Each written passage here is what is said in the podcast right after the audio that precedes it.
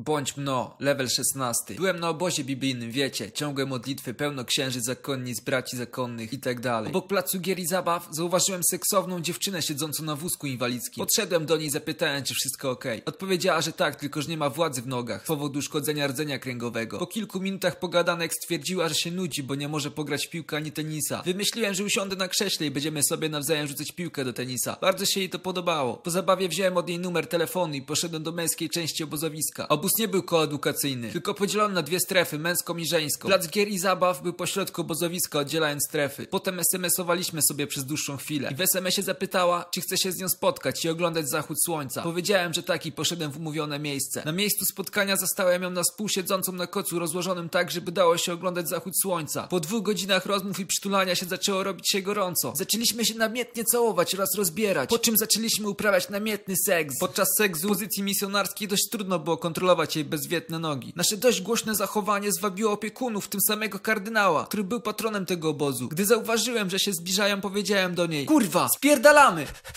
Dopiero potem zorientowałem się, że ona jest niepełnosprawna i nie mogła ze mną uciec, przez co pewnie dalej leżała tam naga, gdy opiekunowie przyszli.